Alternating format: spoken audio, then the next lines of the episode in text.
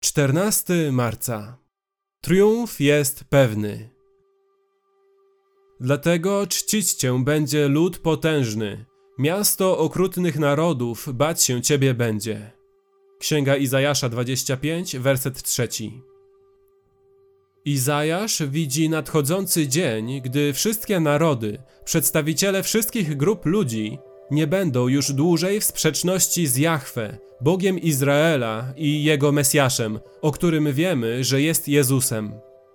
Nie będą już dłużej wielbić Bel, czy Nebo, czy Molocha, czy Allaha, czy Buddy, czy utopijnych programów socjalnych, czy kapitalistycznych możliwości wzrostu, czy przodków, czy animistycznych duchów.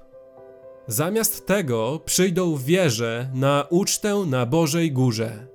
I zostanie im usunięta zasłona smutku, śmierć zostanie zniszczona. Hańba Bożego ludu będzie usunięta i łzy ustaną na zawsze.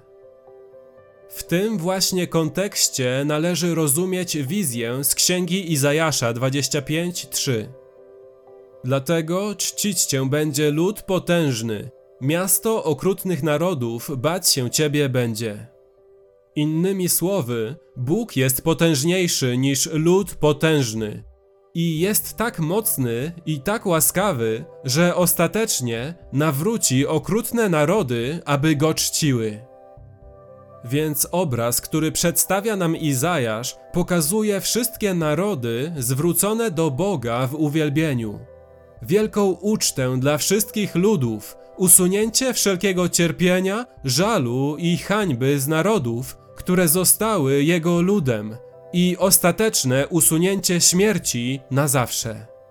Ten triumf jest pewny, ponieważ czyni to Bóg. Dlatego możemy być tego pewni. Ani jeden dzień poświęcony sprawie światowej ewangelizacji nie jest dniem na marne. Ani jedna modlitwa, ani jeden dolar, ani jedno kazanie, ani jeden zachęcający list, ani jedno małe światło świecące w jakimś ciemnym miejscu. Nic dla sprawy tego rozszerzającego się królestwa nie jest na marne. Triumf jest pewny.